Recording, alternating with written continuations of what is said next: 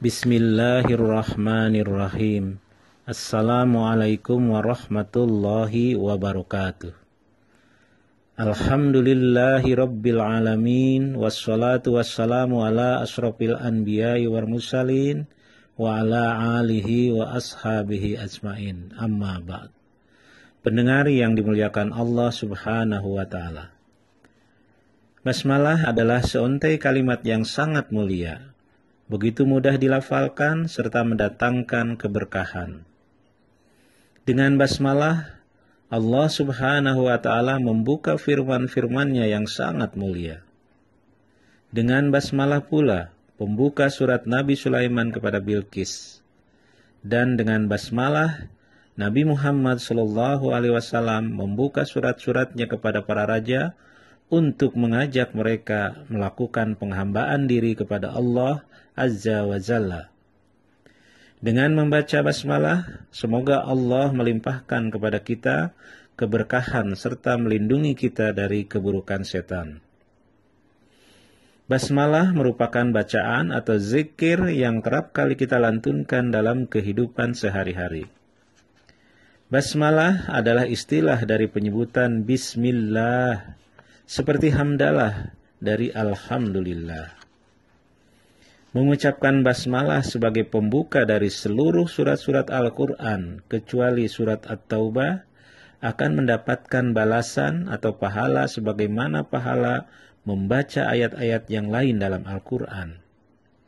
Pada setiap hurufnya, Allah subhanahu wa ta'ala memberikan pahala satu kebaikan, yang dilipat gandakan menjadi sepuluh kebaikan. Rasulullah Shallallahu Alaihi Wasallam bersabda, Barang siapa yang membaca satu huruf dari kitabullah, maka baginya satu kebaikan, dan satu kebaikan itu dilipat gandakan menjadi sepuluh kebaikan. Aku Nabi Muhammad tidaklah mengatakan alif lam mim adalah satu huruf, melainkan alif satu huruf, lam satu huruf, dan mim satu huruf. Hadis riwayat At-Tirmizi. Pendengar yang dirahmati Allah Subhanahu wa taala. Para ulama menjelaskan bahwasanya ucapan basmalah ini sangat berguna bagi seseorang yang hendak melakukan kegiatan atau amalan yang mulia. Misalnya mengucapkan basmalah sebelum mengajar, menulis atau membaca.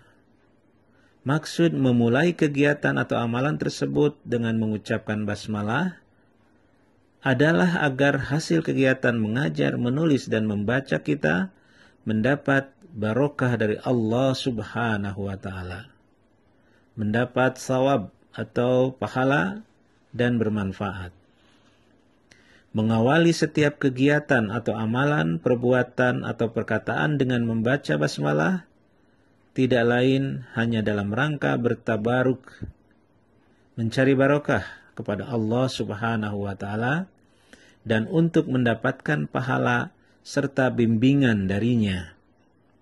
Sebuah keistimewaan yang sering dicari dan diimpikan oleh hampir sebagian besar umat manusia.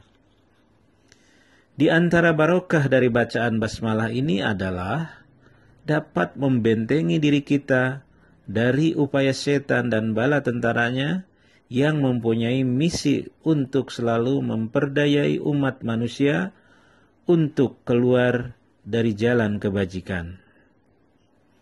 Kita tidak boleh pesimis, kecil hati dan takut selama kita selalu di jalan Allah Subhanahu wa taala. Karena Allah Subhanahu wa taala selalu memberikan berbagai cara dan jalan untuk menghadapi gangguan setan dan bala tentaranya, yaitu di antaranya dengan membaca basmalah. Pendengar yang saya muliakan, ada sebuah kisah yang menceritakan ketika sahabat Nabi bernama Usama bin Umair melakukan perjalanan dengan Rasulullah Shallallahu Alaihi Wasallam Sebelum berangkat, sahabat Nabi tersebut mengatakan, celakalah setan. Maka Nabi Muhammad Wasallam langsung menegurnya. Janganlah kamu berkata seperti itu. Karena jika kamu mengatakan seperti itu, justru setan akan semakin membesar. Setan akan membalas dan berkata, "Dengan kekuatanku, aku akan melumpuhkannya." Namun, bila kamu mengucapkan basmalah, maka setan akan semakin mengecil hingga seperti lalat. Hadis riwayat Ahmad.